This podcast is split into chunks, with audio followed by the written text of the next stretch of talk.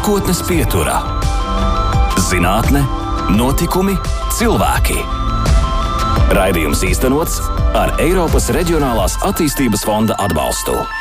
Labdien, nākotnes pieturā studijā baiva un mazliet no valodniecības. Palindroms ir teikums vai vārds, kas vienādi lasāms no abiem galiem, no piemēram, āla. Savukārt ar alu pētniecību nodarbojas zinātnes nozare speleoloģija. Miljoniem turistu visā pasaulē sajūsmina neparastākās salas. Ajantāla Indijā tajā aplūkojam neskaitāmi budisma reliģiskās mākslas meistardarbi, bet Kaoluang alā taizemē atrodami ap 170 būdas statuju paraugi, bet Devetaš kā tālā mājvieta atraduši savukārt 30 tūkstoši sikspārņi. Alas ar savu noslēpumaini uzmanību bijis iemesls dažādām teikām. Drakona alas Maljorkā nosaukums cēlies no senas leģendas, kas vēsta, ka iejalās sargājis drakons. Grieķijas salā Krētā ir Zevāla, kur viņa māte auglības dieviete Reja, glābjoties no savu vīra nežēlīgās greizsirdības, slēpus savu mazo dēlu Zevu. Slavenākā Latvijas sala neapšaubām ir Gūtmaņāla, un tā saistās ar romantisko mīlestības stāstu par māju turaidas rozi, bet droši vien līderu lomu Latvijas salu teikās un nostāstos pieder vēlnam. Tomēr alas nav tikai sendienu, leģendu un mītu objekts. To noteikti varēs apliecināt arī mūsu šīsdienas nākotnes pieturas viesis, dabas aizsardzības pārvaldes eksperts, geologs, Ziemeļvidzemes ģeoparka vadītājs Dainis Ozols. Labdien, Daini! Labdien! Vai arī mūsdienās mēs joprojām varam pārsteigt sevi un arī pārējos atklājot jaunas salas? Salas ir vis visādas, jā, un, un viena lieta ir tādas salas pasaulē, un varbūt pavisam atsevišķa tēma ir, ir alas Latvijā, jo tas ir, tas ir diezgan liela atšķirība. Ir, mums ir alas ir varbūt stipri necilākas, bet arī, nu, krietni īpašākas, atšķirīgākas no pasaules salām. Alas ir senas, ir ļoti senas salas pasaulē. Latvijā tik ļoti senas nav iespējams, jo mums ir pāri ledus laikmetu šļūdoņi ir virzējušies, un, un, un līdz ar to tur, tur no tām senākajām malām nekas vairs nav pāri palicis. Bet, nu, katrā ziņā ir, ir tūkstošiem gadu senas salas arī, un ir, ir tādas, kas vēl tikai mūs, mūsdienās veidojas, vai arī tādas, ko ir izveidojis cilvēks, un, bet tur pēc tam vairs nav darbojies un saimniekojis, un viņš jau ir kļuvuši tāds praktiski kā dabī, dabīgi sāls. Cik tad Latvijā pavisam ir ālu, to jauno un veco? Tā precīzi skaitu nevarētu nosaukt, bet, nu, var teikt, ka kaut kur ap, ap diviem simtiem, ap, aptuveni tāds tas skaits. Jo tas precīzais skaits ir atkarīgs no tā, kā, teiksim, pie šīm malām pieiet, jo ir ļoti daudzas mazas salas, kuras tur, tur viens pētnieks uzskata, ka tā ir ala, un cits pētnieks uzskata, ka tā nav ala. Un tur tā nu, diezgan nosacīta robeža ir starp to, kur vilkt robežas starp to, kas, kas nav āla un kas ir āla. Tādas, par kurām var vienoties, ka tās tiešām ir ālas, tās būtu kādas 200 vai mazliet, mm. mazliet pāri. Bet kas tad ir vispār āla? Jūs kā pētnieks, kā ģeologs, kā jūs definētu? Kā ģeologs var teikt, ka ir divi veidi alas. Ir, ir īstās alas, tās ir tādas, kuras, kur ir šauri, un tad tam ieejot iekšā ir atkal kāda platāka, plašāka vieta. Un, un ir neīstās salas, nu, kā piemēram gūtmaņēla, kur ir plata, plata, milzīga plata ieeja, un tad uz dziļumu paliek vien šaurāks, šaurāks, šaurāks un, un, un izbeidzas. Jā, tā mm. ir, ir tādas divu veidu alas, jā. Bet tad gūtmaņāla, gūtmaņāla pavisam tā nemaz nav īsta ala? Nē, nu, tas ir cilvēku vienošanās uh, lieta. Dabai ir viena alga, ja vai tā ir īsta vai neīsta. Nu, cilvēki vienojas par kaut ko, mm -hmm. šo mēs sauksim un šo mēs nesauksim par alu. Uh, nu, viņa, protams, ir īsta, jā, jo viņa ir dabīgi izveidojusies. Viņa, viņa, viņa tur ir, viņu, viņu neviens nav izdomājis, tā ka viņa ir īsta. Bet, nu, nosacīti viņa, viņa teiksim, ģeoloģiski, viņa, viņa ietilpst šajā neīstu alu kategorijā, kas arī ir alas. Jā, īstās un neīstās abas ir alas. Bet, bet nu, teiksim, no citu zinātņu skatu punkta, skatoties teiksim, no, no bioloģijas skatu punkta, nu, tās ir, ir arī, arī neīstās salas, ir alas, un, un, un, un tur ir savi iemītnieki mitinās gan īstajās, gan neīstajās salās, un var ļoti mm muģināties par tiem, par tiem termiņiem un, un jautājumiem. Vai jālai ir jābūt arī kaut kādam zināmiem parametriem, tur dziļums, augstums, platums? Tāda vienošanās ir tāda, tāda, nu, var teikt, pat nerakstīta, teiksim, Latvijas halu, halu pētnieku vidū, ka, nu, jābūt ir trīs metri tā jālai vismaz tā. Nu, teiksim, lai ja cilvēks ar izstieptām rokām ielien, tad lai viņam arī, arī kājas ir iekšā tajā ālā. Ja? Tā, ka, tad, tad, ja ir, ja ir īsāka, tad to nu, neuzskata par alu. Tās ir kaut kādas sīkas alas, kas tur īsti, īsti nav. Nu, tā kā tie trīs metri tie ir vajadzīgi vismaz, lai, lai uzskatītu, ka tā ir ala. Vispār tā izklausās diezgan ekstrēmi, jo mēs jau esam pieraduši tajās salās, kur var tā normāli ieiet un apskatīt, un nevis tā ielienot, nokļūt šajā alā, bet es saprotu, ka šajā vasarā jūs atkal kļuvāt kārtīgi reizi par nezināmu salas atklājēju, un tās tiešām laikam malas, kur vajadzēja tā četrāpus vai pat uz vēderlīs tiekšā, ja? Jā, jā, tas patiesībā tas atklājums laikam bija pagājušajā gadā, jau, jā, vienkārši iepriekš nezināmā, nezināmā āla vienkārši tika atrasta, un, un viņa nevis tāpēc, ka viņa nebija atrasta iepriekš, bet tāpēc, ka viņa vēl nebija, nebija pavērusies vaļā, un tad, tad palu laikā, cim redzot, tur upes salats ūdeņi skalojoties, mazliet paskaloja plašāk šo ieeju, un viņā varēja iekļūt līdz tam tas nebija iespējams. Bet tad tur ieklūst var tikai peldus vai laivu, vai tiešām tur ir? Nu, tur ir tā, tā situācija tāda, ka jāpiebrauc ir ar laivu vai arī jāpārpeld pāri upei. Un tad ir tāds uh, maza krasta pludmalīte zem klīņša pārkares, un tad var tālāk ielīst tajā alā uz vēdera. Pašā alā ūdens nav, ala ir sausa, bet, nu, vismaz mm, tādā normālā ūdens līmenī. Palu laikā viņi, protams, pieplūst ar ūdeni. Mm -hmm. Kā šīs salas tiek atklātas? Jūs speciāli braucat, meklējat, vērojat, pētāt, vai, vai jūs jau prognozējat, vai tas ir kaut kāda tiešām nejaušība? Uz šajā gadījumā tas bija, bija nu, plānveidīgi dabas skaitīšanas darbi, kas tiek kartēti visi Latvijas pamatiežu atsagumi ciet, cieto pamatiežu atsagumu un visas salas tiek kartētas visā Latvijā. Un, un mans tieši uzdevums ir arī līdz šim brīdim ir kārtēt šos atsegumus un ālas. Un tad, attiecīgi, mm, ejot pēc kārtas eh, cauri visām upēm un visiem atsegumiem, nu vienkārši tā ala, ala atradās jā, šo plānveidīgo darba rezultātā. Bet no otras puses ir, ir protams, Latvijā ir, ir nu, diezgan daudz tādu ļoti lielu entuziastu un nu, urķu, ja, kas, kas lien alās un, un, un, un viņas pēta un, un meklē savās brīvdienās un ne tikai brīvdienās un, un tādi, kas noteikti ir daudz vairāk alu entuziasti nekā es esmu. man, man, man kā ģeologam alas ir viens no, viens no, mhm. teiksim, tādiem ģeoloģiskiem veidojumiem, kas ir gana interesants, bet nu, tas nebūtu nav vienīgais un varbūt arī nav pats interesantākais. Sakiet, nu, atklāt tālu tas ir viens ieraudzīt. Pēc tam droši vien arī ir darbiņš, kā šo ālu arī raksturot un arī kādus tos parametrus arī, lai noteiktu, kas tur ir nepieciešams šajā visā. Varbūt mazliet jāprecizē sākumā, ka viena no sešām biotopu grupām ir šīs alas atsegumi. Ja? Nu, ir šīs sešas grupas, tur meža pļavas, piekrasti, ūdeņi un, un, un tā tālāk. Un tā skaitā arī atsegumi ir, un, un ālas ir viena no šīm biotopu grupām. Jā, un tad, tad aizejot uz šādu alu, ir, ir jāizpilda anketa. Un, lai aizpildītu anketu, tur ir jāveic arī nu, mērījumi, cik gara, cik plata ala ir, cik plata ieeja, cik plata iekšpuse, cik augsta griesti, jāraksturo, vai tur ir mitrs, vai tur ir ūdens, vai tekošs, vai stāvošs, vai tur ir nobrukumi, vai tur ir kaut kādi augi, kaut kādi dzīvnieki konstatējami. Var sakot, tur, tur vesels tāds uh, parametru. Uh, klāsts, kas ir, kas ir jā, jākonstatē, un, un tas viss ir jāsaraksta anketā. Arī plāniņš, plāniņš jāuzzīmē. Droši vien arī kāda dzīvā radība valās arī mīt. Nu, sikspārņas tur minēja sākumā, piemēram, arī Latvijā droši vien ir alas ar sikspārņiem arī. Jā, sikspār, nu, patiesībā ir tā, ka tā arī notiek no dzīvās dabas viedokļa. Tā laikam ir tā lielākā vērtība, alas ir sikspārņu ziemošanas vietas. Viņi tur nevairojas un, un nemitinās, kā varbūt kaut kādās tropiskās zemēs, bet, bet tās ir ziemošanas vietas, kur sikspārņi spēja paglāpties no ziemas augstuma, izziemot un atkal, atkal dzīvot, dzīvot tālāk savu, savu dzīvi. Tā ka jā, nu, un, protams, arī daudz dažādi, citi ir dažādi kukaiņi. Alās, nu, praktiski vienmēr ir kukaiņi, kas arī liela daļa tur patverās uz ziemošanu dažādi tauriņi, hodi, zirnekļi, māņzirnekļi, no tādiem jau, jau mugurkalniekiem tas ir vārde, krupji, nu, no zvēriem ir, ir bebri, āpši, jenotsuņi, lapsas, mm -hmm. veido savus midziņus un, un, un, un savus ziemas slēptuves.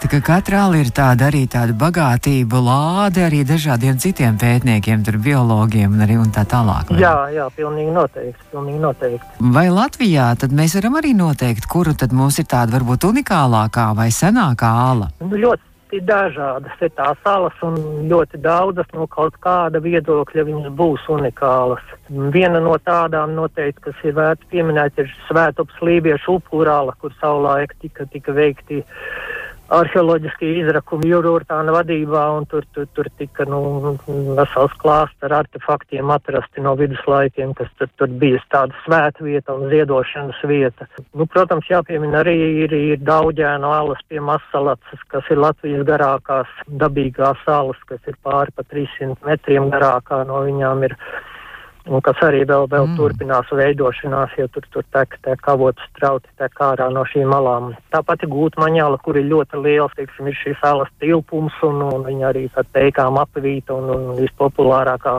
turistu apmeklējuma vieta. Brūņa āla pie amatas ir ļoti interesants. Tā ir vienīgā āla, kas ir veidojusies ledājas tādas uh, glaci tektonika, kā ģeologi saka, ledāja bīdīšanās rezultātā, kur ledājs vienkārši dolomītas slāņus pabīdīs un ieplēsis tādu plaisu, un tā plaisa ir saglabājusies līdz mūsdienām. Tajā plaisā var ielīst. Pasaulē ir ālis arī slavens ar to, ka tajās glabājas arī dažādas vēstures liecības. Jūs teicāt par šo upuru vietu, bet arī ālu zīmējumu uz sienām, dažādi ciļņi un arī mākslas darbi. Vai Latvijā kaut kas tāds arī ir sastopams?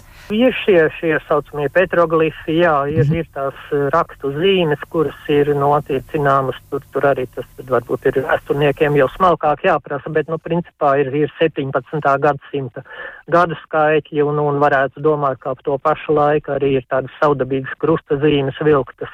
Viedokļi, cik es zinu, ir dažādi, ka vai nu to ir vilkuši ieceļotāji, krustneši vai arī tās ir vietējo kaut kādas svētās zīmes bijušas. Protams, ka cilvēki līdz šīm, līdz šīm dienām kaut ko turpina ieskrāpēt un iegravēt, mm. un, diemžēl, bieži vien arī, nu, vienkārši sabojā, tīri, tīri estētiski, tīri vizuāli sabojā šo alu, alu iekšpusi ar saviem iegravējumiem. Par petroglifiem runājot, jūs savulaik, es nezinu, vai darbojas vēl šis arī tāds Latvijas petroglifu centrs, kurā jūs arī darbojāties. Jā, jā, jā, jā, joprojām arī darbojos. Tur ir Andris Grīmbergs, ir šī Petroglifs centra vadītājs un tāda maza biedrība, kas eh, nodarbojas vairāk ar tieši ar tādām vēstures lietu izpēti. Vai jūs arī apceļojat arī pasaules slavenākās salas vai interesantākās salas, un arī tur esat paviesojies? Tagad patiesībā nav, nav sanācis, diezgan ilgi nav sanācis, bet nu, ar to vispār sākās, ka nu, studiju gados, kad es mācījos Ļeņingradas Kalnu institūtā, tur, tur, protams, ar, ar studiju biedriem braucām uz, uz visur, visām ļoti dažādām vietām, un tā skaitā arī uz alām, nu, tā ir laika padomu savienībā. Bija kaut kā vienkāršāk, viss tā ceļošana bija lētāk un, un pieejamāk, un tad bija gan Ukrainas, gan, gan Krimas, gan Kaukāza alas, tur bija, bija ļoti dažādas eh, vietas, tika apbraukātas, un, un arī, nu, arī bija tas tīri sportiski pasākums. Spēlēja nometnes, eh, kur, kur laidāmies līdz lielam dziļumam iekšā, un, un tāds diezgan bargos apstākļos. Tas arī turpinājās arī vēl pēc tam, ka jau atbraucot no Ļeņingradas, tad, no, un Pēterburgas arī braucām pa tālām zemēm un ar skolēnu pulciņu, vadīja skolēnu pulciņu, arī braucām uz dažādām tālām un lielām alām. Es tieši gribēju vaicāt, kā var kļūt par speleologu. Tas nozīmē, ka vienkārši jāmācās Kalnu Rūpniecības institūtā, un tad tā romantika vēl turklāt nāk, un tad, tad cilvēks kļūst par speleologu un nav pētnieku. Nu, jā, jā, jā, jā, nu, jā, bet, nu, laikam jau es nezinu, vai vai mūsu profesiju klasifikatorā ir tāds speleologs. Droši vien, ka nav. Nezinu, vai kādam darba grāmatiņā raksta speleologs. Nezinu, droši vien, ka nē. Varbūt kaut kad nākotnē. Mēs turpinām nākotnes pieturu un speleologus, es gribētu gan arī teikt, bet tomēr ģeologs un dabas pārvaldes eksperts Ziemeļvidzemes ģeoparka vadītājs Dainis Ozols šobrīd ir mūsu attālinātais viesis. Nākotnes pieturā. Turpinām nākotnes pieturu. Mūsu viesis ir dabas aizsardzības pārvaldes eksperts, ģeologs, Ziemeļvidzemes ģeoparka vadītājs Dainis Ozols. Mēs runājām tikko arī par alām. Dainis ir atklājis arī vairākas. Daini, vispār cik jaunu salas jūs esat atklājis? Izņemot to vienu, par ko mēs runājām. Patiesībā jau ir tā, ka mm, ir vairākas, bet viņas ir tik tur tādas, nu, necilas, tādas, um, ne, nu, kopā es nezinu par dabas skaitīšanu no jauna, tādas varētu būt kādas četras, piecas, varbūt, nu, kas man ir gadījušās. Bet, bet tā nopietni jau es tikai to vienu varētu uzskatīt, ka tas ir kaut kas tāds vērā ņemams. Jo tāds, nu, nu teiksim, 4 metru plata plaisa, ja kas tur ietiecās klintī, nu, nu jā, nu ir, ir tā ala, viņai anketas tiek aizpildīta, bet, nu, nu, nu, nu jā, nu, tas man liekas, ka nav nekas tāds, ar ko tur vajadzētu milzīgi lieliski. bet jūs esat pieticīgs, jo es lasīju, ka jūs esat atklājis ap 30 tālu. Nē, tas ir, tas ir skaits, kas ir, kuras es esmu uzmērījis un anketējis, jā, bet tās ir bijušas tādas pārsvarā jau zināmās, mm -hmm. zināmās salas. Tur. Vēl mazliet par alām turpinot, vai Latvijā arī ir pasaules visā kontekstā interesanti ar savām alām, vai tikai ir interesanti tās lielās salas, kur ir dažādi stalaktīti un stalagmīti un koncertzāles un ezeri un tā tālāk, bet vai Latvijas salas kādam interesē? Latvijas salas ir tieši interesantas ar to, ka Latvijā ir tādas salas, kādas ir tikai ļoti retās vietās pasaulē. Jo tādi irdenie, irdenie smilšakmeņi, kādi ir pie mums, kas no vienas puses ir gana irdeni, lai tekošie ūdeņi viņus pamazām izskalot un, un veidot pazemes tukšumus. Un no otras puses viņi, viņi to tieši ieži tomēr ir pietiekoši izturīgi, lai tas uzreiz viss ne, nesagrūtu un, un neaizbirtu ciet. Jā, tādi, tādi, teiksim, nu, nav tik daudz pasaulē izplatīti. Un, un tāpēc šādas smilšakmeņu alas ir patiesībā diezgan unikālas. Un, un mēs ar tām varam lepoties, un ar tām mēs varam būt arī interesanti pasaulē. Cik es zinu, tad Venecuēlā ir, ir nu, tiešām ļoti garas smilšakmeņu alas, tur vairākos desmitos kilometru mērāmas, bet tās ir kaut kur ļoti tālu kalnos, ļoti grūti piekļūstamas, bet pārsvarā jau pasaules salas ir, ir tādos šķīstošos, ūdenī šķīstošos iežos, kaļķakmeņos, ģipšakmeņos. Viņas ir nu, pavisam citādākas nekā Latvijas salas. Tad varbūt mēs nākotnē arī varam vairāk arī pasaules turistus piesaistīt tieši ar savām malām un interesi par tām. Es domāju, ka tomēr nē, jo viņas pirmkārt nav īsti piemērotas, lai viņām vestu cauri lielu skaitu cilvēku. Nu, viņas noteikti tiktu vienkārši smagi degradētas, ja mēģinātu to darīt. Ja, tā kā attiecībā uz turismu es domāju, ka nē.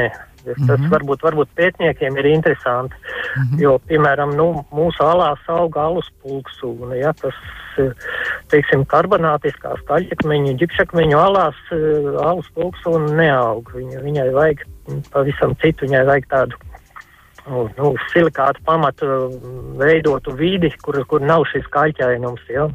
Un tāpēc tādās citās pasaules salās šī alus pulkstūna nemaz neaug. Pie mums tā ir atrodama, ja? tas, tas varētu būt interesanti tādā pasaules uh, kontekstā, jo tā ir diezgan reta tāda sūta, kas nav, nav katrā vietā izplatīta. Tad mums ir ar ko lepoties. Bet runājot par jūsu vadīto Ziemeļvidzemes ģeoparku, katru gadu šis Ziemeļvidzemes ģeoparks arī jūs nosakat tādu īpašo vietu, ja nosakat gada ģeovietu. Un es tā pārskatīju Jā. arī šo sārakstu, ka tur arī ir ālas. Tur ir 2008. gadā ģeovieta ir bijusi Neļķu klintis, Devonas milšakmens atsegums, un tur arī āla un avots. Taisnība?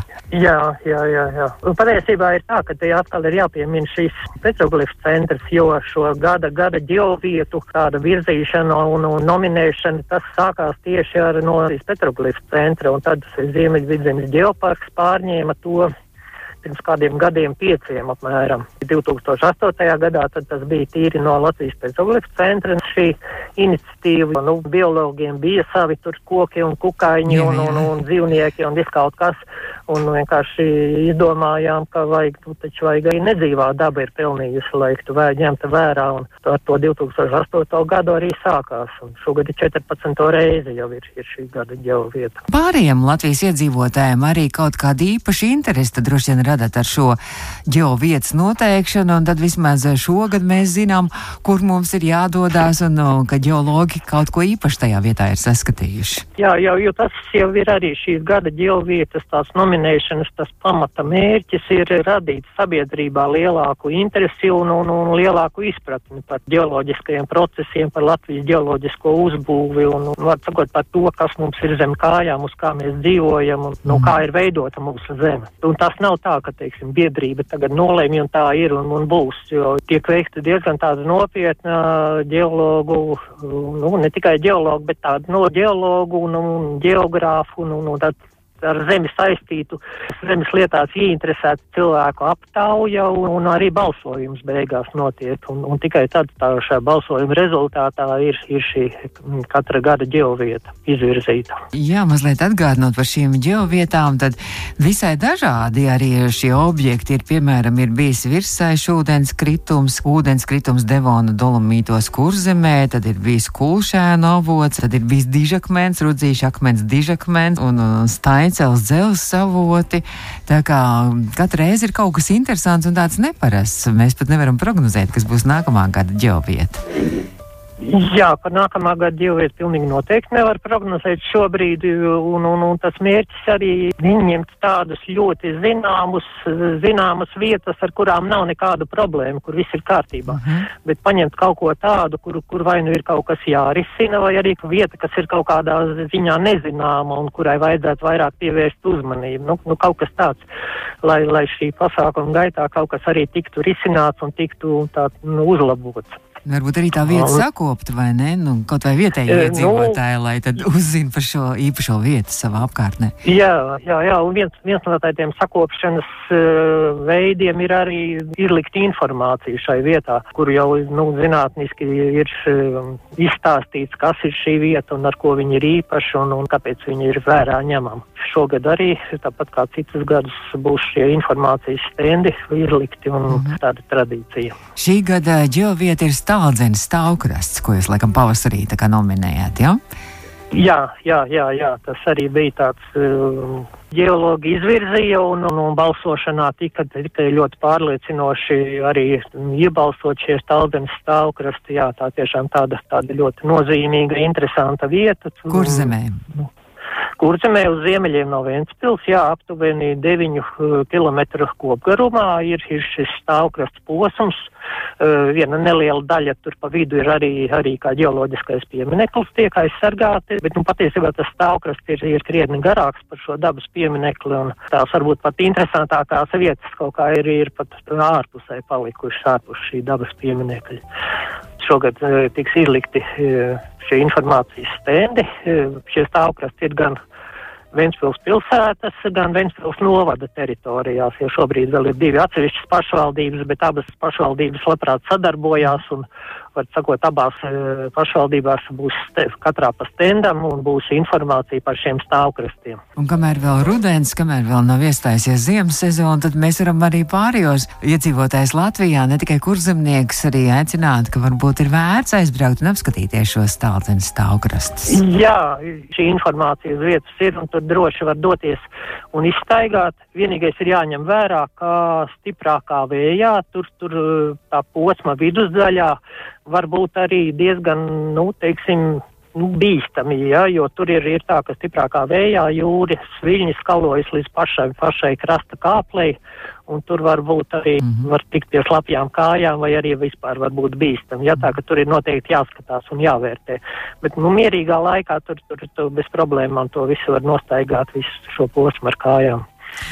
Par Ziemeļvidzemes ģeoparku runājot, tad jūs arī nodarbojaties ar tādu izglītojošo darbu, arī skolnieks ir iesaistā dažādā izpētē un ekspedīcijās. Cik ir iespējams, um, nu, vairāk gan, teiksim, jāsaka, ka pirms 30 un 20 un 15 gadiem, kad, kad es vadīju ģeologu pulciņus un vides pulciņus dažādās vietās, gan Rīgas laikā, gan arī jau dzīvojot šeit laukos, Naukšēnu vidusskolā. Eh, tad, tad mums tiešām bija tāds, tāds īsti aktīva, aktīva šī darbība ar skolēniem. Šobrīd ir tā, ka, ka biedrība reizēm eh, novada kādu ekskursiju. Piemēram, nesen, nesen arī bija ekskursija Ķoņu kalnā pie Rūjienas, Ķoņu kalnā akmens izziņas tā kā bija nodarbības, kur skolēniem arī par akmeņiem visu kaut ko pastāstīja un, un, un parādīja, un, un tāds, nu, vienkārši tāda intereses, intereses radīšana. Jā, pirms dažiem gadiem esot bijis arī tāda akmeņu vākšanas ekspedīcija Rūjas senlajā, kur skolēni vākuši akmeņus un minerālus. Jā, jā, tas arī bija viens no tādiem, tādiem pasākumiem, jā, kad vienkārši izdomājām, ka mm, vajag kaut ko interesantu, un tad gājām cauri par Rūjas senlēju.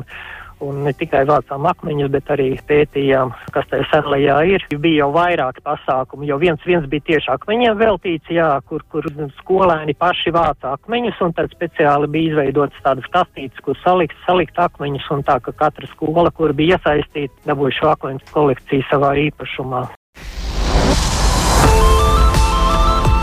Nākotnes pieturā - zinātne, notikumi, cilvēki. Turpinām nākotnes pieturu, un nākotnes pieturas viesis šodien ir ģeologs, Ziemeļvidzemes ģeopārka vadītājs, arī dabas aizsardzības pārvaldes eksperts Dainis Ozols, un mēs turpinām sarunu gan par alām, gan par daudz ko citu. Un es tā papētīju, ka ir arī tādi pasaules zinātnieki, kas ir skaitījuši, cik ilgus gadus viņi ir alās pavadījuši, un, piemēram, Norberts Kastere, francūzis, esot zem zemes pavadījis, es domāju, nu nevienā vienā tādā nogrieznī, bet, protams, protams, visu kopā saskaitot zem zemes pavadījis vairāk nekā 30 gadus un izpētījis vairāk nekā tūkstoši alus. Vai jūs esat skaitījis, cik ilgs laiks ir pagājis jums tajā salās dzīvojot? Mm, nu, noteikti, ka nebūs, nebūs un ne uz to pusi. Ir bijušas arī ekspedīcijas, gan jāsaka, jaunības dienās. Pa vairākām dienām esam devušies salās un ar nakšņošanu, ar, ar nometnes iekārtošanu un tā. Nezinu, grūti pateikt kāds mēnesis jau noteikti sanāks. Vismaz, es domāju. Jūs kādu laiku esat vadījis arī Latvijas Universitātes ģeoloģijas muzeju. Vai tāds vēl pastāv un kas tur interesants ir skatāms? Uh, Jā, bija arī tāds neliels periods manā dzīvē, jā. Muzejs pastāv. Man liekas, ka tas saucas Latvijas Universitātes muzejs, kura ietvaros ir ģeoloģijas krātuve. To vada man ļoti labie kolēģi Vija Hodereva un Māris Rudzīts. Tur ir, ja nav nekas mainījies pēdējā laikā, ja tur tiešām ir vērts aiziet un apskatīt šīs kolekcijas, padarboties. Tur ir ļoti labs muzejs. Viņš pamat ideja ir, protams, šim muzejam, tā kā tas, lai nodrošinātu nodrošināt mācību procesu studentiem, lai būtu viņiem akmeņi, ar kuriem iepazīties un kurus, kurus atcerēties. Un ir pieejams arī, arī apmeklētājiem. Droši vien, ka tur ir iepriekš jāpiesakās kaut kā. Mm -hmm. kā tam, laikam, gluži jebkurā laikā tur aiziet, tur varētu arī netikt iekšā. Dabas aizsardzības pārvaldē vairākas sezonas norisinājās arī šī dabas datu vākšana un arī skaitīšana. Šobrīd tā laikam ir noslēgusies. Kas šobrīd ir aktuāls dabas aizsardzības pārvaldē un jums kā ekspertam? Nu, var teikt, ka šī dabas skaitīšana tiešām noslēdzas, vēl kaut kas pats pēdējais tiek apkopots. Ja jautājums par mani, tad, tad ir tā, ka dabas skaitīšana mēģināja konstatēt tās dabas vērtības, kas Latvijā ir atrodamas, kas varbūt vienā otrā nozarē, var teikt, ir vēl atlikušas. Nākamais lielais projekts, kas sākas dabas aizsardzības pārvaldes paspārnē, ir projekts, kas domās, ko darīt ar visām šīm dabas vērtībām, kā saglabāt šos biotopus, šīs dzīvotnes, mazāk traumējot, bet arī, nu, lai ir atrast vienkāršākos veidus, kā, kā varētu šo saglabāšanu veikt. Lai, lai mēs nepazaudētu mm. to, kas mums vēl ir atlicis. Darbošos kādus pāris gadus arī šajā projektā. Un droši vien, arī ziemas periods geologiem arī ir tas vairāk tāds sēdēt pie datora un apkopot visus rezultātus un faktus. Jādomā par to, kā kaut ko varbūt um, uzrakstīt, varbūt ne tik daudz zinātniski, man, man vairāk patīk kaut ko tādā populārā veidā, ko vai arī apkopot kolekcijas, uh, saprast, kas ir vēl nākotnē veicams, uh, ja nepārskries melns kaķis pār ceļu, ka būs viena konference veltīta alu biotopiem uh, Vācijā, uz kur būs jādodas. Tā, ka, nu, bet nu, tā ziema jau mums tagad ir tik īsa, ka Jā. praktiski jau visu gadu var arī braukt laukā un kaut ko darīt. Runājot par brīvdienām, raidījums skan sestdienā brīvdienā. Ko jūs klausītājiem varētu ieteikt, ko darīt brīvdienā, un, ja nu gadījumā tiešām varbūt kādu ģeovietu vai kādu ālu apmeklēt, mēs esam kādu iekārdinājuši, tad ko jūs tieši ieteiktu konkrēti? Mēs jau pieminējām šo Staldenes stāvkrastus, jā, tad, tad ziemeļos no Vienspils, e, tur ir Staldenes stāvkrasti, uz kuriem var doties.